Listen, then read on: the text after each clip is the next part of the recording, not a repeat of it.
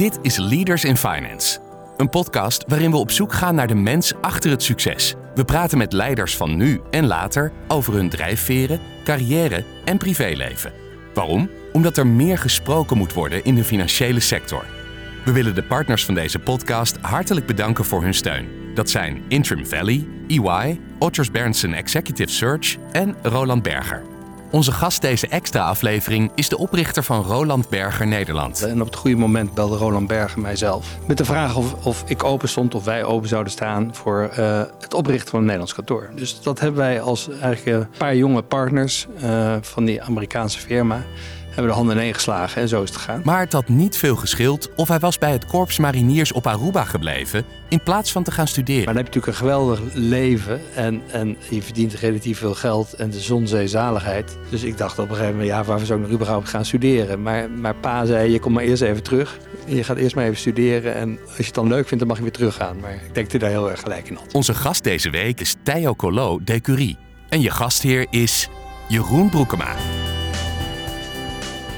Welkom bij een nieuwe aflevering van Leaders in Finance. Dit is een extra aflevering waarin we in gesprek gaan met Theo Colo de Curie, de managing partner van Roland Berger in Nederland en voormalig deputy CEO van Roland Berger wereldwijd. We spreken elkaar naar aanleiding van jullie 20-jarig bestaan. Uh, jullie 20-jarig jubileum in Nederland. En de titel van deze aflevering die ik eraan mee heb gegeven is dan ook als volgt. 20 jaar Roland Berger in Nederland, ondernemerschap en leiderschap. Uh, welkom Theo. Dankjewel Jeroen. Leuk dat je er bent. We zitten samen in, in Driebergen bij Grid Bloemenheuvel. Prachtig weer buiten. En ik heb er erg zin in om met jou in gesprek te gaan. En traditiegetrouw doe ik dat door het spellen van de naam. Nu heb ik de laatste tijd dat wat, wat lastiger met wat langere namen. Dat geldt voor jou ook. Uh, is T-I-J-O en Colo is C-O-L-L-O-T. En Decurie is D-E-S-C-U-R-Y. Zoals gezegd, uh, Theo is de managing partner van Roland Berger in Nederland. Hij was een van de oprichters uh, van Roland Berger in Nederland. Studeerde ooit scheikunde aan de TU Delft. En deed later additionele executive opleidingen aan onder andere Stanford en Harvard. Extra interessant, zonder dat ik je hele cv uh, ga langslopen, Theo. Maar vond ik dat jij je carrière bent begonnen bij het Korps Mariniers wel boeiend om te benoemen. En tot slot, je bent 55, getrouwd, hebt drie kinderen en woont in Baarn. Dat uh, ter introductie.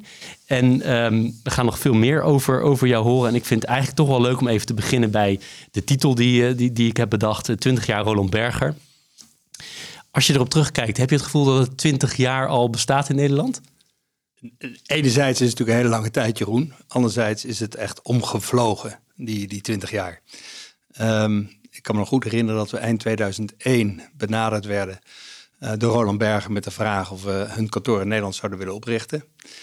Ja, dan ga je natuurlijk toch uh, niet vanuit dat je daar twintig jaar mee bezig zal zijn. En dat je dat uh, vrij snel voor elkaar krijgt. ook een beetje naïviteit, denk ik. goede, gezonde naïviteit op dat moment. Ja, en inmiddels ben je weer twintig jaar verder. Het is omgevlogen. Maar een geweldige tijd geweest. Mooi. En nog steeds. Ja. Ja, leuk. Het enthousiasme spat er vanaf. Als je zegt we werden benaderd, betekent dat dat je zoiets helemaal niet van plan was, maar dit op je pad kwam? Ja, zo is het gegaan. Um, uh, ik was werkzaam bij een andere Amerikaanse consultancy. En uh, daar deden we dingen, een paar dingen ongelooflijk goed. En uh, daar hadden we een hele leuke tijd. Internationaal zat het wat ingewikkelder in elkaar, die firma. Dus enkele van ons die, die hadden het ook wel bedacht, we gaan gewoon wat anders doen. En uh, ja, het leek wel of zij het gewoon door hadden. En op het goede moment belde Roland Berger mijzelf, uh, meneer zelf, uh, met de vraag of, of ik open stond, of wij open zouden staan voor uh, het oprichten van een Nederlands kantoor. En um, dan denk je van ja, in mijn eentje gaat me dat toch niet zo goed lukken. Dus dat doe je gewoon met een, met een team, gaan we veel succesvoller zijn. Dus dat hebben wij als eigenlijk een paar jonge partners van die Amerikaanse firma hebben de handen ineen geslagen en zo is het gegaan. En toen die belde, dacht je meteen van dit is interessant, dit zou wel eens kunnen gaan doen? Of heb je heel lang getwijfeld? Nou, ik, ik had wel al langer aan nadenken wat ik zou willen gaan doen met mijn uh, carrière. Ik had op dat moment consulting voor iets zeven of acht jaar gedaan. Ik was er kennelijk goed in. Ik wilde ook wel doorgaan met ondernemerschap uh, en, en, andere dingen aan het doen. Het was een ingewikkelde tijd. Ik heb ook gekeken, het was allemaal rondom 9-11. Uh, ik had gekeken om met een vriendje bedrijven te kopen. Uh, maar wat we wilden, dat was allemaal moeizaam en dat lukte niet helemaal. Ja, en dan komt uh, zo'n kans op je pad. En dan denk je van ja, er zit toch heel veel in van wat ik zoek. Kennelijk kan ik consulting goed, want dat was in die zeven, acht jaar wel gebleken. En, uh, en we hadden een ongelooflijk leuk team met z'n vijven, waar we mee zijn begonnen. Waren heel complementair van elkaar. We hadden een ongelooflijk gemeenschappelijke visie over hoe je een, servicesfirma op hoog niveau moet neerzetten. Qua cultuur, qua normen en waarden. Dus daar, ehm, dus ja, als je dat allemaal bij elkaar zet, dan denk je van ja, dit, dit is toch een mooie kans en dat moet gaan lukken. En, en zoveel mogelijkheden zijn er natuurlijk ook niet om voor een internationale firma een uh, nieuw kantoor neer te zetten. Ja, dus ken, kende je ze goed? Ik kende ze helemaal niet. Helemaal uh, nee, nee. Sterker nog, uh, uh, ja, we waren zeer anglo-saxisch georiënteerd. Roland Berger is de enige wereldwijde consultant van Europese origine. En dus ook pas later eigenlijk tot stand gekomen.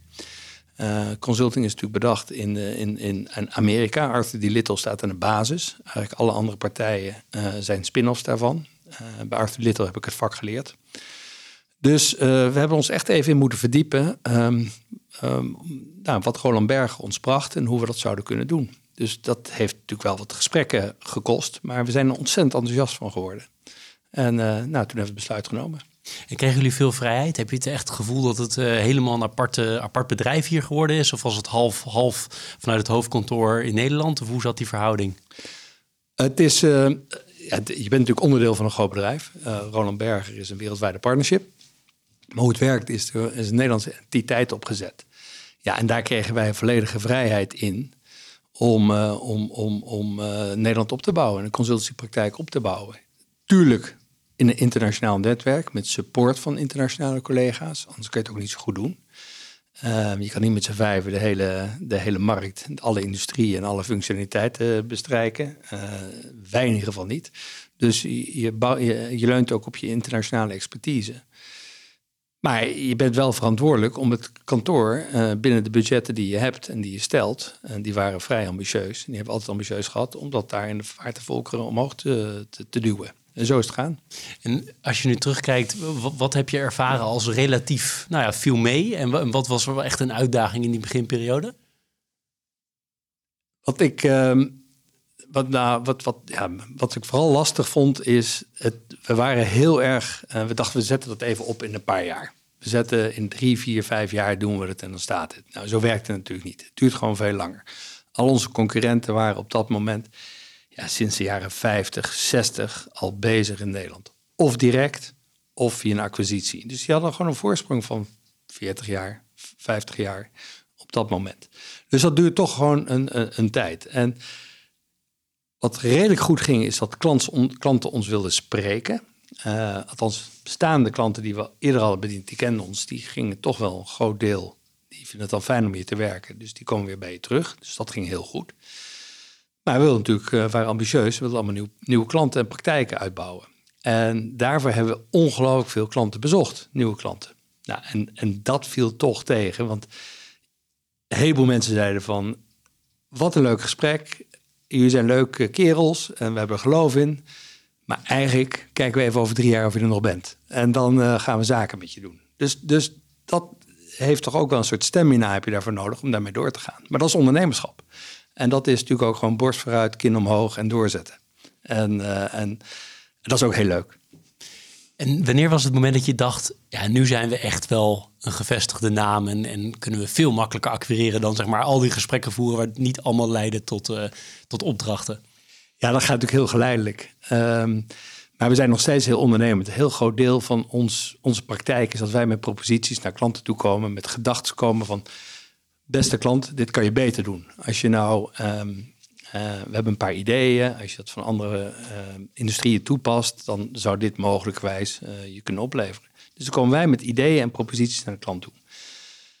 Maar in de, in de praktijk is natuurlijk ook dat we heel veel gebeld nu worden uh, met vragen en van zou je kunnen werken. En dat is natuurlijk wel geleidelijk door de tijd verschoven. Ja, en ik vind het heel moeilijk om aan te geven welk moment dat nou is, Jeroen.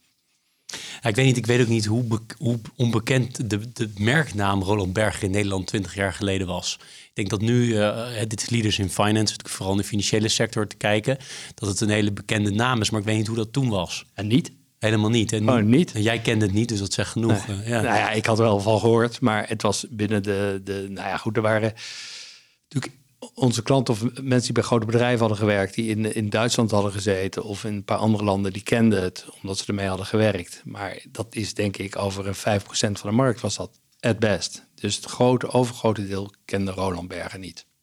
En dat heeft voor- en nadelen. Ehm, dus, dus het was heel veel introduceren. En, uh, maar niet alleen aan de klantenkant. We hebben twee markten. We hebben ook een talentenmarkt. En um, althans, zo zeg ik het altijd. Dus je klanten zijn heel belangrijk, maar de talenten zijn ook ontzettend belangrijk. Dus je moet op alle goede universiteiten het juiste talent aan je weten te kunnen binden. En die moeten natuurlijk ook de weg naar jou toe vinden, in plaats van naar de concurrenten. Dus dat is ook hard werken om te zorgen dat je gepositioneerd bent op de juiste universiteiten, dat het juiste talent naar je toe komt. En je zei, we zijn met z'n vijven gestart. Hoe was die taakverdeling grofweg? Met name, wat was jouw belangrijkste extra toegevoegde waarde, los van het feit dat jullie alle vijf uh, consultants waren? Ja, we zijn we kenden elkaar, we werkten acht jaar met elkaar, dus we kenden elkaar vrij goed. We hadden allemaal verschillende uh, industriële achtergronden, althans klantengroepen die we bedienden. Uh, ik denk dat we ook allemaal heel verschillend waren in waar we vandaan komen, um, wat we gestudeerd hadden, um, wat onze netwerken zijn. We hadden heel gemeenschappelijk, hebben we nog steeds, heel gemeenschappelijk beeld over hoe wij vinden dat je zo'n firma moet managen. Wat voor cultuur je moet krijgen. Hoe je een, uh, nou ja, professionele servicesfirma leidt uh, en bent. Uh, dus dat, dus dat werkte heel goed. En um, ja, mijn rol erin, ik ben vanaf dag één, dat was eigenlijk het verzoek van Roland Berger om managing partner te zijn. Maar goed, naar mijn mening had net zo goed een van de andere vier dat kunnen zijn. Uh, ze zijn bij mij terechtgekomen. Ja, hoe lopen dat soort dingen? Het is zo gelopen. Maar we, ik zie mezelf als primus inter pares among equals. En zo is het. En um, um, we doen het gewoon met z'n vijf en we hebben taken. Althans, die vijf zijn er niet allemaal meer. Maar we deden het toen met z'n vijf. Ja, je verdeelt de taken. En zo doe je het. En, en we hebben allemaal onze eigen industrieën die je bedient en eigen klanten. Ja, want je was toen uh, rond de 35. Dat is wel jong om zo'n operatie te gaan leiden. Al was het nog maar klein, maar dat is veel verantwoordelijkheid. Ja. Of, uh, heb je dat ook zo ervaren? Ja, zeker, maar ik denk dat dat ook Roland Berger tekent. Het is een hele entrepreneurial firma. Roland Berger zelf was ook een hele ondernemende man. Is een hele ondernemende man, moet ik zeggen, want hij leeft gelukkig nog. Um, kijk, als student was hij al bezig met allemaal bedrijven oprichten en, um, en verkopen. Dus het was echt een ondernemer. Toen heeft hij het vak consultancy geleerd en toen is hij op een gegeven moment voor zichzelf begonnen. En hij heeft altijd uh, jonge partners, jonge mensen heel veel verantwoordelijkheid gegeven om uh, zich te kunnen ontwikkelen. Dus dat zit ook heel erg in de genen van het bedrijf. Ja, want je noemt het woord cultuur, ik geloof twee of drie keer al in dit gesprek. En dus één aspect daarvan, zeg jij, is eigenlijk dat ondernemerschap jonge mensen een, een kans geven. Kan je het verder nog schetsen wat jullie typeert? Ook om, uh, om te kijken naar, nou ja, dat, dat is toch het belangrijkste onderscheidend vermogen, waarschijnlijk de cultuur, uh, ten opzichte van andere, andere partijen. Ja, ik, ik, twee dingen wil ik hierin zeggen. We hebben drie kernwaarden in de firma, wereldwijd. Dat is excellent entrepreneurship en empathy. Dus dat zijn uh, nou, eigenlijk drie, drie zaken. Dan komt dat entrepreneurship ook weer naar voren. Excellence is natuurlijk heel belangrijk. Want al het werk wat we doen, dat moet natuurlijk gewoon excellent zijn en heel goed zijn. Ook de talenten waar we mee werken en, en, en, en de mensenkant is ongelooflijk belangrijk. Want je kan anders heel mooi advies maken, maar als je niet weet over te brengen, dan gebeurt er niks mee.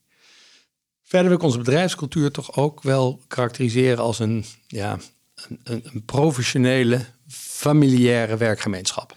En wat ik daarmee bedoel, het is heel professioneel, maar we, zijn, we gaan heel um, empathisch en goed met elkaar om. Het is, um, als je naar mijn vak, of naar ons vak kijkt, um, gaat het om, de, de problemen zijn zo complex geworden. Als je nou praat over climate action, sustainability, zullen we zo nog meer over praten. dat kan je niet meer vanuit één dimensie bekijken. Dat moet je vanuit een technologische dimensie bekijken, van een een psychologische dimensie, uh, nou, vanuit een heleboel uh, uh, economisch, heleboel perspectieven bekijken. Dus je moet heel veel verschillende meningen op elkaar bouwen om een goed advies te kunnen maken. Een goede oplossing voor je klant te kunnen verzinnen. En dat kan alleen maar als iedereen bijdraagt. Everybody needs to speak up en, en bijdragen eraan. Dus je moet een cultuur hebben dat losstaat van hoe oud je bent, hoe ervaren je bent. eh, dat iedereen zich prettig voelt om, om zijn meningen te geven en op elkaar dingen door te bouwen. En alleen maar dan kan je een, eh, een, eh, een goed advies maken. Dus, dus dat betekent dat je daar heel erg open voor staat, dat je dat stimuleert en dat je dat goed vindt. Je ziet wel eens bij andere bedrijven dat mensen zich beter gaan voordoen ten koste van anderen. Nou, dat staat haaks op wat wij willen zijn. En dan zijn onze lijntjes, lontjes echt heel kort. En dan, dan, dan, gaat dat niet goed. Dan moet iemand ergens anders gaan werken. En zo bedoel ik met een, een, een we zorgen voor elkaar. We zijn professioneel, we spreken elkaar aan ook. Op wat goed is en wat niet goed is. Maar het is ook een hele open, ja, veilig wordt het tegenwoordig gezegd. Ik vind dat dat een beetje moeilijk wordt. eh, cultuur om met elkaar te kunnen bouwen. En hebben jullie dat van tevoren echt zo bedacht en zeg maar bijna rationeel misschien zelfs opgeschreven? Of was het gewoon zo werkten jullie en dus gingen mensen dat volgen? En ik weet niet hoeveel mensen er nu werken bij Roland Berger. Misschien ook goed om nog even te noemen. En zo is het gegroeid. werken nu 130 man in Nederland. Ehm, nee, dat hebben we echt van tevoren bedacht. We hebben echt een soort DNA uitgeschreven van wat we willen zijn. En, ehm, en hoe we dat willen zijn. Natuurlijk paste dat ook bij ons vijven eh, als, als, als eh, oprichters. Dat wij zo dachten en dat, dat paste met ons. Het werkt denk ik niet als je om zo'n cultuur neer te zetten... als het niet met jezelf en je eigen persoonlijkheid past. Maar we hebben het heel bewust bedacht. En is het nog steeds zo? Of is die, is die geëvolueerd in de loop der tijd, dat document? Nee, ik denk dat het nog steeds zo is. En natuurlijk, die cultuur, die, die, die, dat is een levend. Dat is afhankelijk van de mensen die komen en, en hoe ze werken. Zo zo'n cultuur uh, zich ontwikkelen. Maar het zit heel zwaar ingebed in ons. En, en dat is heel leuk. Dat, althans, dat vind ik altijd. Er gaan natuurlijk ook mensen bij ons weg. Dat is altijd minder leuk, maar dat gebeurt. Um, en die gaan dan hele mooie andere dingen doen. En dan heb ik, met iedereen heb ik exit-gesprekken. En, en iedereen, en ook de alumni die weer later terugkomen of, of die je later spreekt, die roemt die bedrijfscultuur die we hebben. En uh, dat dat toch iets echt heel unieks is. Uh, klanten vinden dat ook altijd heel bijzonder. Hoe wij met ons met elkaar omgaan en met hun omgaan. Dat wordt zeer gewaardeerd. En uh, nou, daar zijn we ook heel um, voorzichtig mee. En ook heel doen ons erg ons best om dat ook zo te houden. Ja, dat kan me voorstellen dat je, aangezien je toch alleen met mensen werkt en geen andere assets hebt, uh, is, is die cultuur waarschijnlijk het meest cruciale helemaal als het gaat om die, om die talentontwikkeling. Waar ik ook met je over wil hebben is over het vak van strategieconsultant. Daar doen altijd in, in mijn wereld heel veel verschillende verhalen de ronde. Maar wat is nou eigenlijk een strategy consultant of een strategieconsultant? Ja, ik heb ook wel eens de, de vraag, is het überhaupt een vak? Uh, uh, ik denk van wel. Oh, die heb ik alvast gegeven. nee, ik, ik vind het een vak. Um, uh, het is een professie. Ja, het zijn verschillende elementen. Je, je moet in staat zijn om complexe problemen snel te doorgronden en te begrijpen. Dus er zit toch iets van analytisch vermogen in, intelligentie in, van wat je moet hebben. Want er zit altijd ook ongelooflijk veel tijdsdruk op. Er zit ook een hele empathische kant aan. Je kan natuurlijk een, een, een, een door de analyse die je maakt, kan je een, een mooi voorstel maken of een mooi advies maken. Maar als je dat niet weet over te dragen, als je niet weet dat dat tussen de oren komt en, en van je klanten, dan gebeurt er niks mee. Dan kun je misschien een heel mooi rapport maken. En, en wat dan eindigt in een la en niks mee gebeurt. Ja, daar worden wij niet heel erg uh, blij van. Dat, dat, uh, wij worden er pas blij van als die PNL, als, of als die klant of die balans of wat of de issue is, beter wordt. Dus het moet ook uitgevoerd worden. Dus het is, een combinatie van, van analyse, tijdsdruk, weten over te brengen, weten samen te werken met een heleboel mensen, zowel aan de klantkant als met eigen mensen. Um, en ja, je kan het ook wel als een soort topsport zien. Het, er staat gewoon druk op. Uh, en, en beter proberen te worden en nog beter doen en excellent. En begrijpen het. Um, en nou, als het niet goed genoeg is, gewoon weer teruggaan. Dit is Leaders in Finance met Jeroen Broekema. Ja, want het zijn natuurlijk een aantal stereotypen, die kunnen we eens langslopen, daar ben wel nieuwsgierig naar. Eén daarvan is van je moet, uh, uh, zeker aan het begin van je carrière, minstens, uh, nou, noem, noem een aantal uren in de week, maar ver boven de 40 uur werken om succesvol te zijn. Klopt dat? Nou, dit is geen 9 tot 5 baan. Laat ik dat. en je zit natuurlijk in de dienstindustrie, dus als de klant je nodig heeft, dan, ja, dan moet je daar toch gewoon wel, wel zijn. het zijn ook vaak hele belangrijke materiële, eminente, uh, materiële vragen die er zijn. Dus daar moet je ook klaar voor staan. En de tariefstructuur die je stelt, verwacht dat ook.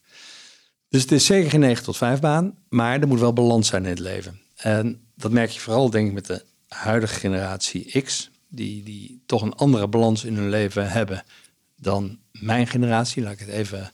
En dat is geen waardeoordeel. En uh, we evolueren allemaal en, en we zijn allemaal op een andere manier groot geworden.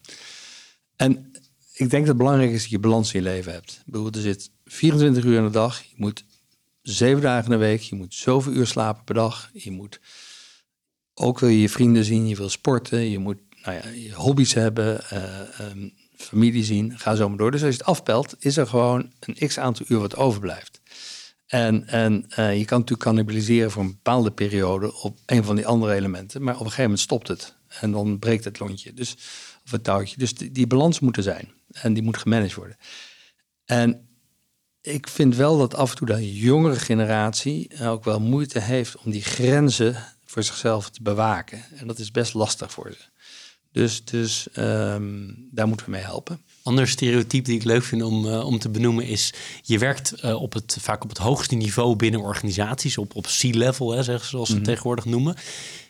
En daar breng je adviezen uit, je loopt daar een tijd mee... en op een bepaald moment moet de organisatie het uitvoeren. En je zei zelf al, je, wil, je wordt niet blij van een rapport maken die in de la belandt. Uh, maar het, vaak het beeld is, ze, hè, de strategieconsultant komt binnen en is weer weg. Maar wat gebeurt er uiteindelijk echt in de zaak van de verandering? Dat is een stereotyp beeld wat leeft. Hoe kijk jij daarnaar? Het is zeker een stereotyp beeld wat leeft, dus dat herken ik. Maar de kunst zit hem juist om dat advies te maken met de lagen eronder die het moeten gaan uitvoeren. Ja, het hangt natuurlijk een beetje van het project af of dat kan. Maar dat je het zo tailor-made maakt uh, voor het bedrijf, dat het ook daadwerkelijk gaat werken. En daarvoor moet je samenwerken met, uh, met uh, de verantwoordelijke mensen binnen het bedrijf. Dus niet alleen de C-levels, maar ook de onder. Dus daar moet je je team op zetten, dat dat ook op zo'n manier kan. Dat je ook uh, samen gaat werken. En daarom is die cultuur ook voor ons zo belangrijk. Hè, waar we het net over hadden. Die stelt je ook juist heel erg in staat om dat met je klanten te doen. En, um, en het, het, het klassieke beeld dat je als consultant binnenkwam en dan wat bedenkt en dan uh, twee, drie weken later terugkomt en dan een matrixje tekent en je gaat van linksom naar rechtsboven, dat is echt, dat is echt verleden tijd. Je werkt gewoon echt heel erg samen met de klant. Ik, ik ga je nou ophouden met mijn stereotype nee. beelden, maar ik heb er ga nog door, één. Die kom vind maar, ik leuk. Kom maar, kom maar, kom maar. nee, e- eentje is dat um, je heel veel, heel veel impact hebt omdat je komt van buiten. Het zijn dwingende de ogen van buiten. En je zit aan tafel met de top. Dat je ongelooflijk veel impact hebt op ondernemingen. Is dat, is dat een beeld wat je herkent? Ja, maar je moet. Je hebt alleen maar impact of je zo ook, denk ik, uh, iets te brengt. Je moet ook wel inhoud brengen. En je moet ook de juiste vragen stellen en de juiste punten noemen. Dan heb je impact. Ja, zeker is het zo dat vreemde ogen dwingen. Um, juist door met een team naar binnen te komen en, en die analyses te maken, uh, ja, zou een klant misschien zelf ook wel kunnen doen, maar of er de tijd niet voor hebben, of het gewoon uit de handen loopt. Uh, um, dus, dus dat helpt, klopt. En je moet er ook heel bewust van zijn en voorzichtig mee zijn. Je moet ook wel echt heel erg nadenken um, wat je voorstelt en wat je adviseert. En dat dat ook uh, nou, werkelijk kan. Er zijn natuurlijk in het verleden zijn natuurlijk wel experimenten geweest van concurrenten, ik ga geen namen noemen, die hele nieuwe businessmodellen hebben bedacht voor klanten en waar dat niet goed is mee afgelopen.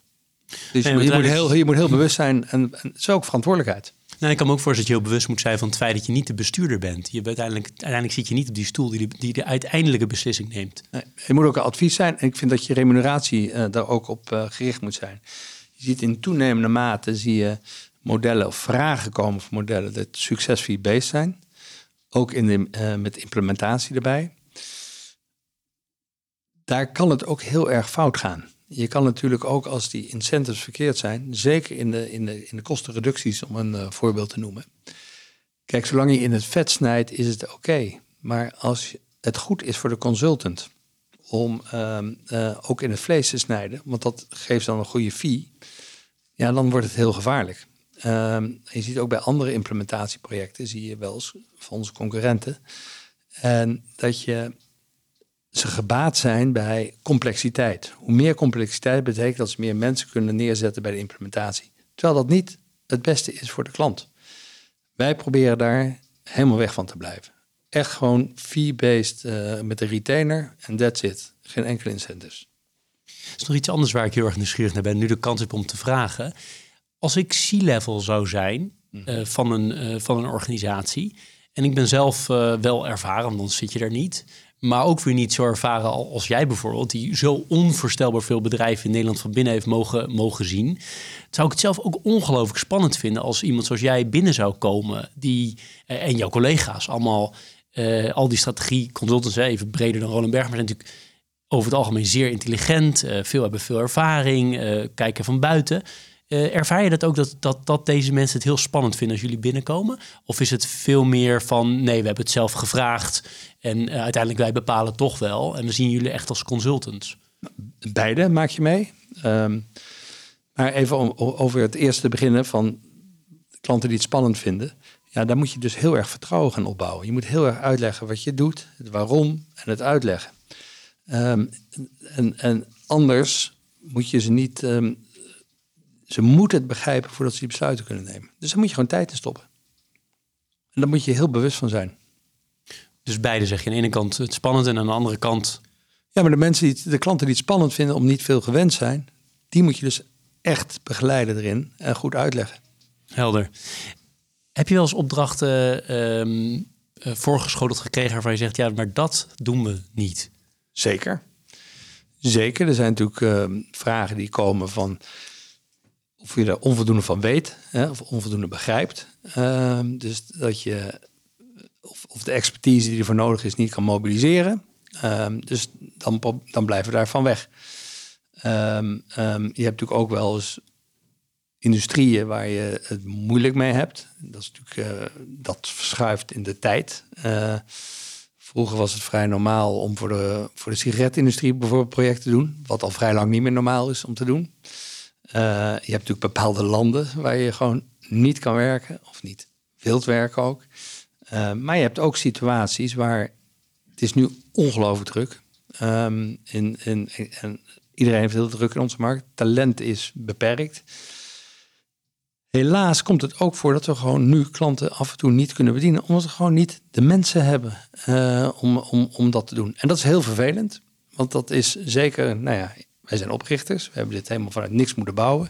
Nee zeggen zit niet in, eh, in onze cultuur. En, ehm, en dus dat is heel vervelend als je aan de klant vier, vijf keer bent geweest en zegt nu gaan we samenwerken. Je zegt ja, maar nu kan ik niet leveren, want ik heb geen mensen. Dat is niet prettig. Nee, dat is dus wel een leuk, leuk bruggetje. Hoe kom je aan goede nieuwe mensen? Wat, wat, wat moet je doen om eh, die aan te trekken? Je noemde al eerder hè, bij de talentenmarkt, zoals je het noemde, dat je op universiteiten bekend moet zijn. Wat, wat, wat is de manier? Ik neem aan dat je niet elk detail wil vertellen, maar wat is een beetje de manier om aan goede mensen te komen? Nou, er gebeurt heel veel. Ehm, er gebeurt heel veel op eh, nou, allemaal business courses die georganiseerd worden, events, eh eh, case oefeningen met, eh, met, met, met ehm, studenten die aan het einde van hun carrière zitten. Heel veel stagiaires hebben we. Eh, en, en dat is ook een hele belangrijke recruiting eh, pool. We sturen onze consultants die twee, drie jaar voor ons hebben gewerkt. En die worden aangenomen op een van de top 15 MBA's van de wereld. Dat financieren we voor ze. En die lopen daar dan rond. Die krijgen dan ook weer mensen, eh, ontmoeten ze, die ze al niet eh, kunnen introduceren bij ons. We halen ehm, mensen met eh, vier, vijf jaar werkervaring eh, uit hele andere industrieën binnen. ehm, die dan bij ons komen werken. Dus ze zijn ongelooflijk. We werken met. We hebben een heel recruitingteam die erop zit. eh, eh, maar we hebben ook eh, headhunters of executive search waar we mee werken. Dus het is een hele diverse pool. Ja, ik kan me voorstellen, het laatste wat je wil is in een, in een markt waarin je zoveel opdrachten hebt, dat je mensen gaat aannemen die eigenlijk niet aan een niveau voldoen waar je voor staat. Ja, maar om je idee te geven, ik zei, we zijn 130 man in, in Nederland. Dit jaar gaan we 50, 60 mensen aannemen, inclusief stagiaires. Om je even, het is een vrij grote effort. Die we, pre- eh, die we, natuurlijk heb je ook churn, gaan ook mensen weg. Dat is, dat is zo in onze industrie. Er zijn een heleboel eh, eh, jonge, ambitieuze mensen die dit als een mooie opleidingsniveau zien. Een opleiding zien, en dat is ook zo. En die gaan dan na vier jaar weg of vijf jaar weg. Dus dat heb je ook. Nou, dat is een aardige uitdaging, dat aantal wat je noemt. Dat is mooi. Ja. Dat is een goed teken voor het bedrijf, denk ik. Ja. En Ook leuk om te doen hoor. Ja, ik kan me voorstellen. Leuk. Ja, nee, ik kan me voorstellen. En je hebt zelf ook heel veel in het buitenland gewerkt. Ja. Eh, ik weet niet welke landen je met name buiten Nederland hebt gewerkt. Ja, heel veel. Heel veel. Ja, Europa, Azië, Amerika. ehm, ja. Heel anders dan Nederland? Of laat ik zo zeggen, wat is nou echt typisch Nederland? eh, opdrachten hier doen versus de rest van de wereld is wat groot misschien, maar... Ja, die bedrijfsculturen zijn, of die culturen zijn natuurlijk wel heel anders. Ehm, wat ik het mooie vind van Nederland is dat ehm, het, iedereen uh, geeft zijn mening. En dat kan je ook doen, even los van de hiërarchie. En, ehm, en, en zolang je dat maar doet en kritisch op elkaar bouwt uh, en, en aanvult op je, op je ideeën, dan wordt het, een, dan wordt het, een, wordt het iets moois. Je hebt natuurlijk, ik vind de anglo-saxische wereld bijvoorbeeld, is uh, iedereen vindt dat uh, niet hiërarchisch. Ik vind dat juist heel erg andersom. Het is heel informeel. Dus, uh, maar het is heel hiërarchisch. Je zou nooit, nooit met je baas in een meeting het niet eens kunnen zijn. Je tutoieert elkaar allemaal wel, maar het is zeer. Als je vergelijkt, vind ik, met, met een land als Duitsland, daar is het heel formeel. Hè? En dan is het her dokter en her professor en zie. Maar je kan een discussie hebben op argumenten. En dus en op argumenten met elkaar het niet eens zijn. En, en dat is een hele andere cultuur. Ja, want je bent, uh, zoals we in de inleiding al zeiden, deputy CEO van de hele groep geweest. Of ja. groep is misschien niet het goede woord, maar van de hele partnership. Is van dat de firma, ja, ja. de firma. Ja. En dan ben ik zo nieuwsgierig. Je, je bent dan bezig met uh, dingen stroomlijnen voor, die, voor de hele wereld, of voor al die landen waar jullie actief zijn. Terwijl tegelijkertijd allemaal losse partners zijn, allemaal eigenwijze slimme mensen. Hoe, hoe stuur je zoiets? Dat is, het is niet heel hiërarchisch georganiseerd. Ik neem aan dat elke partner uiteindelijk gewoon invloed heeft op het bedrijf. Zeker, want die zijn ook aandeelhouders in het bedrijf. Dus hoe het werkt is dat je alle partners zijn aandeelhouder in de holding. Hè? Dus je zit allemaal wel, je zit allemaal wel in een gemeenschappelijk uh, bedrijf. En uh, dus en daar zit ook een deel van de incentivering in. Dus of het nou goed gaat in China of in Nederland, is voor mij beide goed. Dus dat helpt wel heel erg de samenwerking en de glue in de firma. Dus je ziet een grote bereidheid om uh, wereldwijd samen te werken. Um, wat, wat, wat goed is. En je kan natuurlijk sturing geven. Kijk, je hebt eigenlijk is een consultancy is een, is een soort kubus, zoals ik het zeg. Je hebt, je hebt uh, landen, dat is de ene as. Dan heb je um, industriepraktijkgroepen, dat is de tweede as. En de derde as zijn functionele praktijkgroepen, zoals uh, corporate finance, strategie, operations. Nou, ga zo maar. En je moet natuurlijk die kubus goed aan het werk krijgen. Dus als jij een klant hebt in Amerika met bepaalde strategische vragen, bijvoorbeeld in de financiële dienstverlening, dan moet je de expertise van die financiële dienstverlening erin krijgen, die strategie en ook de geografische component. Dus nou, wat dat betreft is het niet anders dan investment banking. Dan heb je diezelfde kubus die je ook aan het werk moet krijgen. En dat moet je helpen managen en incentives bouwen. En, of, en natuurlijk ja, waar, waar problemen oplossen en, en groeigebieden. En, nou, ik was chairman in Amerika, chairman in Engeland. Ik was in de Nordics chairman. Ik bleef managing director in Nederland. Ik, nou, ik zat in de holdingsbestuur. Dus je zit op allemaal verschillende functies. Ja. Nou, het moet wel gaaf zijn, lijkt me, om zo internationaal bezig te zijn. Heel leuk heel leuk, want je ongelooflijk inspireren met al die internationale collega's. En uh, ook niet altijd makkelijk. Uh, ze komen soms ook met hele goede vragen naar je toe, waar je dan even goed over moet nadenken. Maar dat is, dat is heel leuk. Het is ook wel weer vermoeiend. Ik bedoel, na tien jaar is tien jaar in het vliegtuig te hebben gezeten, is het ook wel weer mooi om weer terug in Nederland te zijn. Ja, dat kan me iets voor voorstellen. Dat vraagt wel een hoop, uh, vraagt een hoop van je, ook van je privéleven. En als we het even meer, iets meer over jou als, als persoon hebben.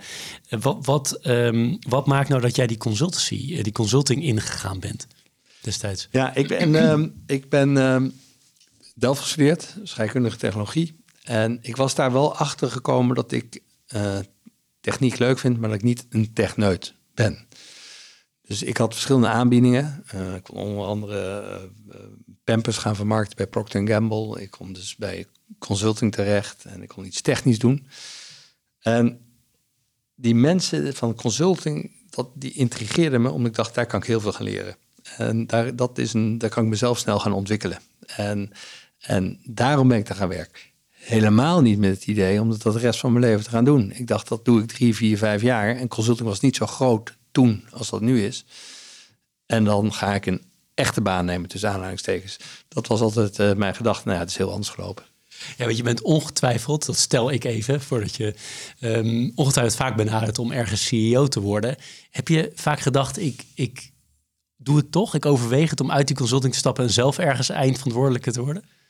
Natuurlijk heb je daarover over nagedacht en denk je erover. En natuurlijk word je ook over benaderd. En in verschillende fases denk je misschien er helemaal niet over. En sommige fases denk je er misschien iets meer over. ik heb er nooit heel erg over nagedacht, als ik je moet zeggen. Ehm, ja, het, iedereen zegt dat je bent niet eindverantwoordelijk, maar we zijn gewoon eindverantwoordelijk voor ons bedrijf. Roland Berg is gewoon een wereldwijd bedrijf waar je eindverantwoordelijk voor bent. Ik ben gewoon eindverantwoordelijk ja, met mijn collega's voor Nederland. Uh, ik heb tien jaar lang uh, ben ik deputy CEO van de groep geweest. Dus wat dat betreft is het denk ik niet anders dan een, een, een, andere corporate. Nee, je, hebt, je hebt het eigenlijk gewoon wel gedaan, maar wel binnen het bedrijf. Ja, ja. ja. En um, als je nu kijkt naar um, naar de, de, naar de starter, naar jouzelf als starter destijds, of naar de huidige starters. Wat, wat, wat, voor, wat voor tips zou je jezelf gegeven hebben toen je startte bij, bij Arthur D. Little? Nou, ik zeg heel veel leren. Het is volgens mij zo'n eerste baan. Ja, goed, iedereen heeft natuurlijk andere prioriteiten in het leven. Maar gewoon veel zien en veel leren. En uh, ik denk dat dat het allerbelangrijkste is. Het hangt natuurlijk af van wat je persoonlijke ambities zijn, maar veel dingen van de wereld zien, veel verschillende klantengroepen zien, veel industrieën zien, functionaliteit en jezelf ontwikkelen. En vanuit daar kan je weer doorgroeien. Dat zou mijn tip zijn. En hou balans in je leven. Ja, want, want dat, veel leren, hoe, hoe doe je dat? Heel concreet? Nou, ik, wat, wat wij proberen te doen is, is toch onze jonge consultants zoveel mogelijk op verschillende projecten te zetten. Dus dat je ehm, ehm, verschillende industrieën, uh, verschillende projecten qua uh, vendor due diligence, investor support werk of strategiewerk of een uh, operationswerk. En, en daardoor krijg je een breed inzicht in, in, in nou, welke industrie vind ik leuk, welke functionaliteiten vind ik leuk, waar zou ik passen. En dan kan je daar ook doorheen gaan ontwikkelen. En ja, ik heb dat ook zeer waardevol gevonden. En, en daardoor krijg je ook een. Later kun je natuurlijk wel weer meer gaan specialiseren. Dus, dus dat, dat zou, ja, ik, goed, dat is misschien omdat ik het zelf heb ervaren, maar dat zou ik mensen aanraden. Ja, helder. Dat is hartstikke duidelijk. En um, in de voorbereiding probeerde ik uh, dingen over jou te lezen op, op het internet. Um, en een van de dingen die, ik, uh, die me aansprak is dat natuur volgens mij heel belangrijk voor je is om tot rust ja. te komen. Ja. Maar sowieso dat je het belangrijk vindt. Klopt dat? Klopt, ja. Nou, ik, ik heb um, intensieve baan, intensief leven, vol leven. En ik kan heel veel aan. Maar op een gegeven moment merk je ook dat je natuurlijk even minder effectief wordt. En dat, het, uh, dat, je, nou ja, dat je agenda vol is. Als ik dan in de natuur ben, dat, dat, dat helpt mij ongelooflijk om weer te herladen. En dat kan zijn een mooie wandeling. Het kan zijn ergens in het bos gaan zitten. Uh, het kan zijn, ik ben ook zeiler, te gaan zeilen. In de winter skiën, wat ik heerlijk vind, liefst of piste uh, met de gids. Dus, dus daar krijg ik ongelooflijk veel energie van en weer inspiratie en breng me tot rust. Dat heb ik uh, nodig. En die natuur, ja, ik vind het iets prachtigs. Ja, nee, kan ik 100% onderschrijven. En je beantwoordt mijn volgende vraag al bijna, maar ik ga hem toch nog even stellen voor de zekerheid. Is het altijd actief zijn in de natuur? Of is het ook passief zijn in de natuur? Je, je noemt al een aantal dingen waar je heel actief bent. Ja, ik denk toch wel meer actief. Ja. Ik kan ook op een stoel zitten en gaan kijken ergens naartoe. Maar dat moet ook niet te lang duren. Nee, volgens mij veel energie, hè? Ja. ja. Nee, dat, Is, uh, dat is duidelijk. En tegelijkertijd zal je dan ook heel erg bezorgd zijn nu over die natuur. Zeker. De klimaatverandering, verlies aan biodiversiteit, et cetera, et cetera. Zeker, ja. En dat zie je, je iets mee? Kan, kan nou, dat, zie je, dat zie je natuurlijk al in een land al. In Nederland zie je dat al. Um, daar is een ongelofelijke verandering ook in de flora en fauna gaande. Uh, ik denk door de hele intensieve landbouw, door de ongelofelijke regenbuien die je, die je vroeger had, uh, door toch ook geen controle meer van bepaalde. Uh, we hebben natuurlijk geen natuurlijk evenwicht. Sommige um, um, dieren moet je in, in, ja, controleren, anders, anders neemt de rest de overhand. Als je kijkt naar de weidevogels, bijna helemaal weg in, in Nederland. Ik denk dat de vos daar een ongelooflijke belangrijke invloed van heeft. naast de grote intensieve regenbuien en naast intensieve landbouw. dus dat, dat soort dingen zie je gewoon veranderen. Uh, en dat is heel erg treurig. Als je kijkt natuurlijk naar verandering van het klimaat, ik denk dat er zeker wat gaande is. En, uh, en, en, en nou ja, als je kijkt over de bosbouw en wat daar allemaal gebeurt, in, in, het is doodzonde. Ja. En kan je er iets mee? Kan je iets eraan bijdragen? Voor, draag je er iets aan bij in je werk? Nou, we, hebben, we hebben ongelooflijk uh, grote praktijk in, uh, in climate action. Ehm, dus vanuit het werk doen we daar ook ontzettend veel aan. Uh, we hebben in alle kranten gestaan, dus ik denk dat ik daarover mag, uh, mag praten. Uh, we hebben Tata Steel Nederland heeft een groot project net gedaan om, om vanuit het staal maken, vanuit van kolen, um, om dat helemaal te gaan doen van groene waterstof op termijn. Dat is een ongelofelijke verandering. Dat, dat, dat project hebben wij voor hun mogen begeleiden. En dat is, nou ja, dat is een voorbeeld waar je, als dat helemaal doorgezet gaat worden, dan, dan is de uitstoot, CO2-uitstoot in Nederland gaat gigantisch afnemen. En dat is goed, want staal blijven we gebruiken. En uh, Steel in dit voorbeeld is een van de meest schone en competitieve fabrieken van um, staal in Europa. Ja, door het daar niet meer te maken, denk ik dat je de wereld niet beter maakt. Want staal blijven gebruiken en dan wordt het in een viezere fabriek gemaakt. En als het helemaal naar groen staal gaat, dat is fantastisch. Als een voorbeeld. En zo zijn er natuurlijk veel meer dingen. En je hebt, nou goed, er zijn eindeloos veel projecten. Dus, en dat is fijn om daar ook allemaal methodiek in te bedenken. Dat, dat je niet alleen naar de economische impact kijkt, maar ook naar de ecologische impact. Helder. Ja, dat lijkt me heel, eh, heel verstandig in deze tijd. Leaders in Finance met Jeroen Broekema een laatste punt uit, jou, uit jouw privéleven waar ik het graag over zou willen hebben met jouw goedkeuring, is wat ik in de inleiding zei, dat je begonnen bent bij het uh, Corpus Mariniers. Ja. Dat spreekt wel tot de verbeelding bij mij. Ja. Hoe, hoe kwam je daartoe en wat heb je daar precies gedaan? Ja, was nog dienstplicht in die tijd. Uh, dus ik heb in 1985 eindexamen gedaan. Ik, was, uh, ik ben de jongste van drie thuis. En wij mochten allemaal een tussenjaar doen. ik was ook gewoon nooit blijven zitten, dus ik was jong eindexamen. En ehm, dat tussenjaar wat ik wilde doen, dat lukte niet. Want ik had iets uitgezocht, dat was uiteindelijk toch niet realiseerbaar. Dus dan dacht ik, dan doe ik maar eerst mijn dienstplicht voordat ik ga studeren. Dan kan ik even een beetje uh, um, nou, tot rust komen, of heet dat, dechambreren, voordat ik daaraan begin. En um, ik was te jong om officier te mogen worden bij de landmacht. En bij de marine is daar geen leeftijdsgrens aan. En toen werd ik goedgekeurd voor zowel de vloot om, uh, als de mariniers vloot omdat ik een beta pakket had en, uh, en, mariniers sportief was. Ja, en dat is natuurlijk toch wat je dan voor gaat als, uh, als jonge jongen. En het is, ik moet je zeggen, dat is een ongelofelijke belangrijke tijd in mijn leven geweest. Ik ben er ontzettend dankbaar voor dat ik dat heb mogen meemaken. Het is een periode van twee jaar geweest. En ik heb daar, nou ja, dan ben je in een hele andere omgeving. Ik ben uh, heel liefdevol thuis opgevoed met een hele lieve ouders en waar een warm huis was en waar heel veel kon. Maar ook een beetje beschermd, denk ik. En dan kom je in een hele andere wereld. Uh, waar je, nou ja, um, jezelf ook moet bewijzen. En waar je leiding moet gaan geven aan hele verschillende mensen. En uh, nou, waar, je, waar je het ook je, je opleiding moet uh, volbrengen. En dat is voor mij een ongelooflijk goede ervaring geweest. Ik ben daar zeer dankbaar voor. Was het zwaar? Ja, natuurlijk is het zwaar. Uh, we zijn die opleiding uh, zijn we met uh, 15 begonnen. althans van de dienstplichtigen en nog heel veel meer beroeps. We zijn maar met z'n zevenen overgebleven. Um, hele oefeningen gehad waar, waar we met z'n veertig begonnen en met z'n zevenen overblijven. Um, dus ja, het is zwaar. Het is fysiek zwaar. Maar fysiek zwaar wordt mentaal zwaar op een gegeven moment. En nou, daar heb ik wel een soort hardheid gekregen en doorzettingsvermogen. Uh, maar ook ongelooflijk veel humor. Het is een periode waar je, hoe moe je ook was en hoe zwaar het ook was, ongelooflijk veel gelachen werd. En maak je dan vrienden voor het leven, omdat je zoveel samen meemaakt? Ja, zeker. Nou, die, die, die, met die zeven waar we zijn overgebleven, die, daar zijn we, ja, zeker zijn we daarmee bevriend. Het is niet dat we elkaar wekelijks de deurpad lopen, absoluut niet. Maar we zien elkaar eens in het jaar en hebben we heel veel plezier met elkaar. Wel eens overwogen om door te gaan bij, uh, bij de marine of in het, uh, bij Defensie?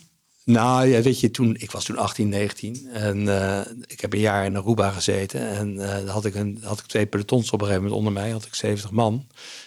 En dan heb je natuurlijk een fantastisch... Op die leeftijd? Op die leeftijd, ja. En, uh, maar dan heb je natuurlijk een geweldig leven en, en je verdient relatief veel geld en de zon, zee, zaligheid.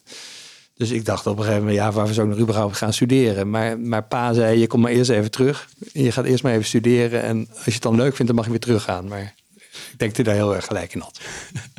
dat is misschien wel een goede zet geweest, dat weet ik niet. Maar ik kan me zo voorstellen. Ja, mooi. mooi hoe je dat verwoordt. Uh, schitterend. Um, ik vind het altijd nog heel leuk om, om het te hebben over, uh, over leiderschap en boeken. Eerst even die boeken. Uh, lees jij graag?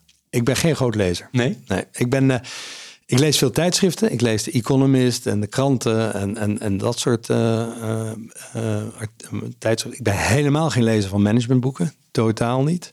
Zelfs een hekel aan zo te horen? Ja. En ik vind... Um, nou, ik lees dan wel een, weet ik wat, een, een biografie of iets over geschiedenis lees ik wel. Of in mijn vakantie wil ik nog wel eens een Jack Reacher meenemen. Maar zoals we in Delft zeiden, ik heb al een boek. En ik lees niet heel veel. Ik ben ook dyslectisch. Ah, maar is, er, is er wel een boek wat je hebt gelezen waarvan je zegt dat heeft wel echt invloed op me gehad in positieve zin? Nou, ik heb één boek, maar dat is heel lang geleden. Voor mijn Engelse lijst, uh, in mijn eindexamen, daar had ik dus een heel dun boekje genomen. Want ik dacht, dat is lekker makkelijk. Hè? Ik wat, 45 bladzijden of zoiets. ben ik lekker snel doorheen. Maar dat was dus een van de meest ingewikkelde boeken om te begrijpen. Dus dat, die is als een boemerang teruggekomen. Wel nieuwsgierig om later in de show notes op te nemen welk boek dat dan was. Maar goed, uh, daar komen we nog wel achter. Ehm, en uh, leiderschap. dat ging over een zeemail. Jonathan Livingston Seagull, volgens mij. Uh, kijk. Als ik het goed herinner. Ja. Goed, goed geheugen. Als je kijkt naar leiderschap, is dat nou... Dat is natuurlijk een, een term die sowieso moeilijk is te vatten wat dat is. Maar jij ziet heel veel mensen die organisaties leiden, die daar aan de, de top staan. Is dat nou heel erg veranderd de afgelopen twintig jaar? Ik ben natuurlijk vooral geïnteresseerd in, hè, dat zie je hier op de plopkappen staan, leaders in finance. Jij werkt in allerlei sectoren, maar ook in de financiële sector. Ja. Is dat nou heel erg veranderd, dat leiderschap? En wat er gevraagd wordt van die leiders? Ja, ik denk dat het wel uh, heel anders is geworden. Ik denk dat het veel inclusiever is geworden dan dat het vroeger was veel meer. Um, ja, ik heb nog wel als een jong consultant dat je van die meetings en dan sprak alleen de CEO. En werd bijna niet aan iemand gevraagd om uh, wat ze ervan vonden. Nou, dat is natuurlijk totaal voorbij. Uh, gelukkig ook maar. Vind ik ook goed. Dus ik, je ziet hele grote verschillen. Ik vind ook dat je grote verschillen ziet in, de, in, de, in, de, in, in bedrijven en financiële dienstverlening. Um, ik, ik, um, ik zie dat de financiële dienstverlening nog ook wel worstelt met hun verleden. En um, worstelen met uh, het implementeren van de vragen die ze krijgen van de toezichthouder. Als het nou is over uh, KYC of, of, of de gevolgen van de, van de kredietcrisis die, en, de, en de veranderingen die, die in de banken zijn. Um, ik vind dat dat nog wel hier en daar conservatief is. En dat dat, ik denk je heel, dat ze heel veel kunnen leren van andere industrieën. Um, om een voorbeeld te geven, ik, um, helaas zijn mijn ouders uh, overleden. En dan probeer je die rekeningen op te zeggen bij, bij, bij, bij de bank. Uh, nou, ik geloof dat drie, vier jaar na dato krijg je nog steeds um, uh, bankafschriften. En, en vragen of je een kopie van het paspoort kan geven. Ja, ik vind dat onbegrijpelijk. Is dat wetgeving gedreven, zeg maar, hoe we het hebben georganiseerd in Nederland, of is dat vanuit die bank gedreven? Systeem, ja, vanuit de bank. Systeem gedreven. Ja. Er komt er gewoon een van het systeem weer wat uh, opeens iets produceert. Dus de financiële sector loopt niet bepaald voor op dat gebied? Nee. Dat kan ik zo samenvatten. Ja. Nou, en ik denk je dus... Uh, en natuurlijk, ik begrijp, er is een historie en ik wil niet, niet uh, um, kwaad spreken. En dus het is ook heel, heel lastig waar ze vandaan komen. En er zijn allemaal van die systemen uit het verleden. Maar ik denk dat je ongelooflijk veel kan leren over van de, van de automobielindustrie, van de chemische industrie. Um, als je kijkt over total quality management, uh, het, het allemaal in één keer goed doen en het juist goed doen, daar kun, kan je ongelooflijk veel van leren. En ik zou de banken gunnen en de verzekeraars om weer open te staan voor dit soort ideeën. Ja, want ik weet niet hoe ver je daar iets over uh, mag en wil zeggen, maar wat zijn de soort uh, high-level soort opdrachten dat jullie voor de Nederlandse financiële industrie doen? Nou, dat is natuurlijk heel veel verandering op dit moment. Uh, um, hoe, hoe, hoe pas je businessmodel aan aan de huidige tijd? Dat is een digitalisering. Uh, en, en hoe pas je erop aan? Ja, dat veel van dingen. Digitalisering belangrijk, sustainable finance. Sustainable, noem, sustainable finance, ja, zeker. Maar als je, als je natuurlijk, dat is breed, hè? Dat zijn natuurlijk allemaal in alle industrieën ongelooflijk belangrijk op dit moment. Als je, de wereld is heel complex. Uh, um, als je kijkt naar de, de, het milieu verandert gigantisch. En, en, en, we moeten onze energievoorziening anders gaan doen. En je moet bedrijven moeten dat op een andere manier sustainability gaan doen. Dat is één.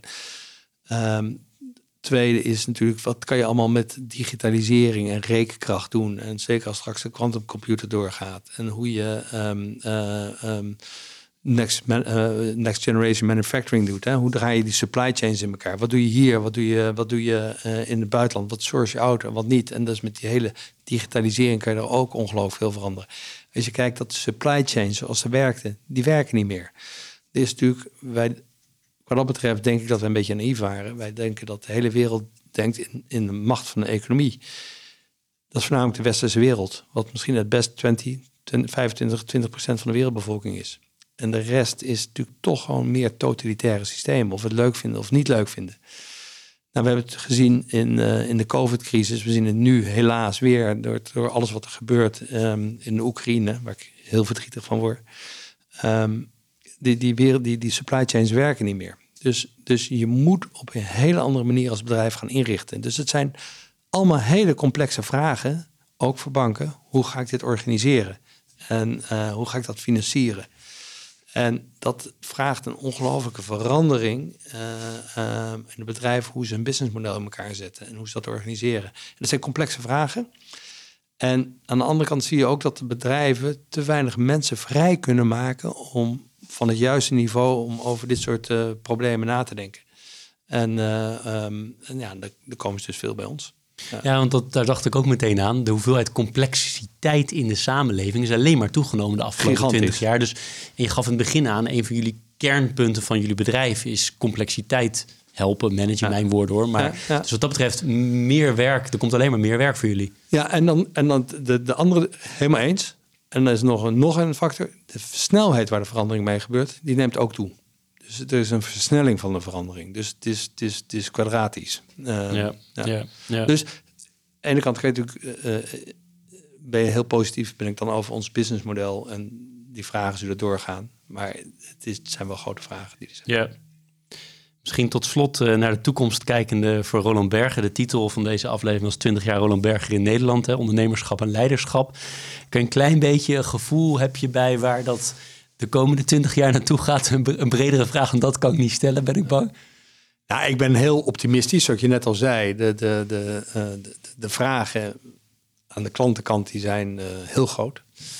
Dus, dus um, ik ben heel optimistisch over dat wij gaan groeien. En wij groeien ook hard. Ik zei getallen over wat voor mensen we aannemen. Uh, dat zullen we blijven doen. En uh, dus ik zie een mogelijkheid tot verdubbeling even in Nederland. We praten nu even over Nederland. Dat, dat zie ik uh, de komende jaren gebeuren. Internationaal geldt hetzelfde. Er is gewoon behoefte ook aan um, Europees denken. En, en, en, en vanuit verschillende culturen denken. En um, daar zijn we heel goed in. We zijn mondiaal, we zitten heel groot in Azië, we zitten heel groot in Amerika. Maar daar, daar, dus ik ben heel, heel, heel bullish over, over onze business. Um, wat we wel zullen moeten doen, is, is um, het goed zorgen voor onze mensen. Dus we hebben het er net ook over gehad. De huidige generatie, die, die, ja, die heeft heel veel kansen en heel veel mogelijkheden. En zo zijn ze ook opgevoed. Maar soms kunnen ze van als dingen niet zo lekker lopen, kunnen ze daar heel neerslachtig van worden. En uh, in hun weerbaarheid moeten we helpen te verhogen. Dus we zullen daar erg uh, op moeten investeren en ons best voor moeten doen. Maar ik denk, ik zie ongelooflijke kansen voor ons. Dus we gaan een mooie tijd tegemoet, Jeroen. Ja, helder. En, en, en jij zelf? Naar de toekomst toe? Uh, de, de, korte termijn is denk ik helder, maar de lange termijn zijn er nog dingen waarvan je zegt, dat zou ik heel graag nog wel eens willen doen, dan wel zakelijk, dan wel privé? Nou, ik, ik vind het, je zei, ik, je zei de introductie, ik ben 55, dus ik, ben, ik wil lang blijven werken. En, want ik denk dat je lang actief moet blijven. Want het is volgens mij word je geen leuke persoon als je. We worden allemaal ouder. Dus je moet gewoon actief blijven en erover blijven nadenken. En uh, dat houdt je ook interessant voor de toekomst. Dus ik, ik zie voor mezelf nog een, uh, een lange toekomst tegemoet. Um, ik wil zeker het team van Roland Berger blijven ondersteunen. Zolang zij denken dat dat uh, verstandig is en behulpzaam is. ik denk dat, dat ik daar nog even mee door kan gaan.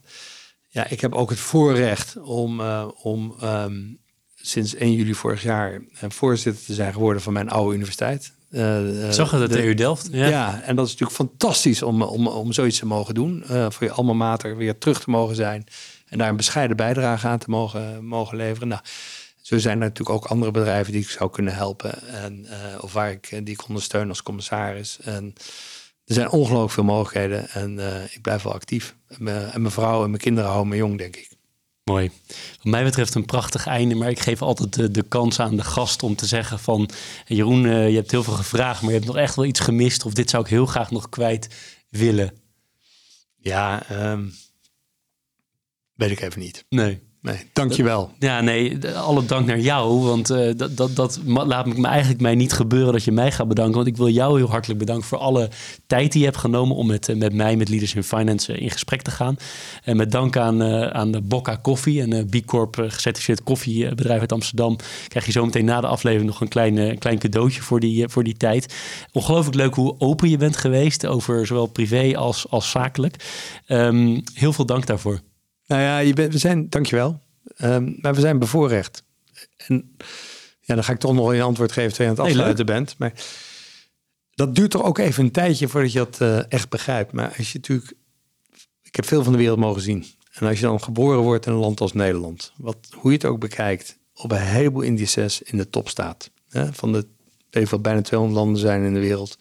Ik weet niet precies hoeveel zijn. Dat je dan je wiegje hier staat en dan ben ik ook nog het geluk gehad dat je geboren wordt in een gezin waar veel liefde is um, uh, en, uh, en employed wordt. En dan heb ik ook nog, ben ik bovengemiddeld intelligent en heb ik kansen gekregen. Ja, als je in reïncarnatie gelooft, het kan niet heel veel beter worden. Dus ik denk we ongelooflijk dankbaar zijn, mogen zijn uh, voor wie we zijn en waar we staan. En ik vind het heel leuk om met dingetjes terug te mogen doen.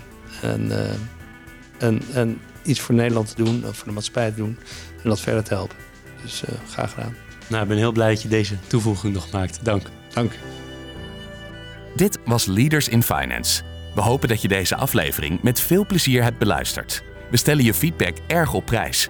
Wat houdt je bezig en over wie wil je meer horen? Laat het weten via een Apple of Google review. Dat kan ook via de sociale mediakanalen of direct via een e-mail. We kunnen het enorm waarderen als je dat doet. Tot slot danken we onze partners voor hun steun. Dat zijn Interim Valley, EY, Otters Berndsen Executive Search en Roland Berger. Bedankt voor het luisteren.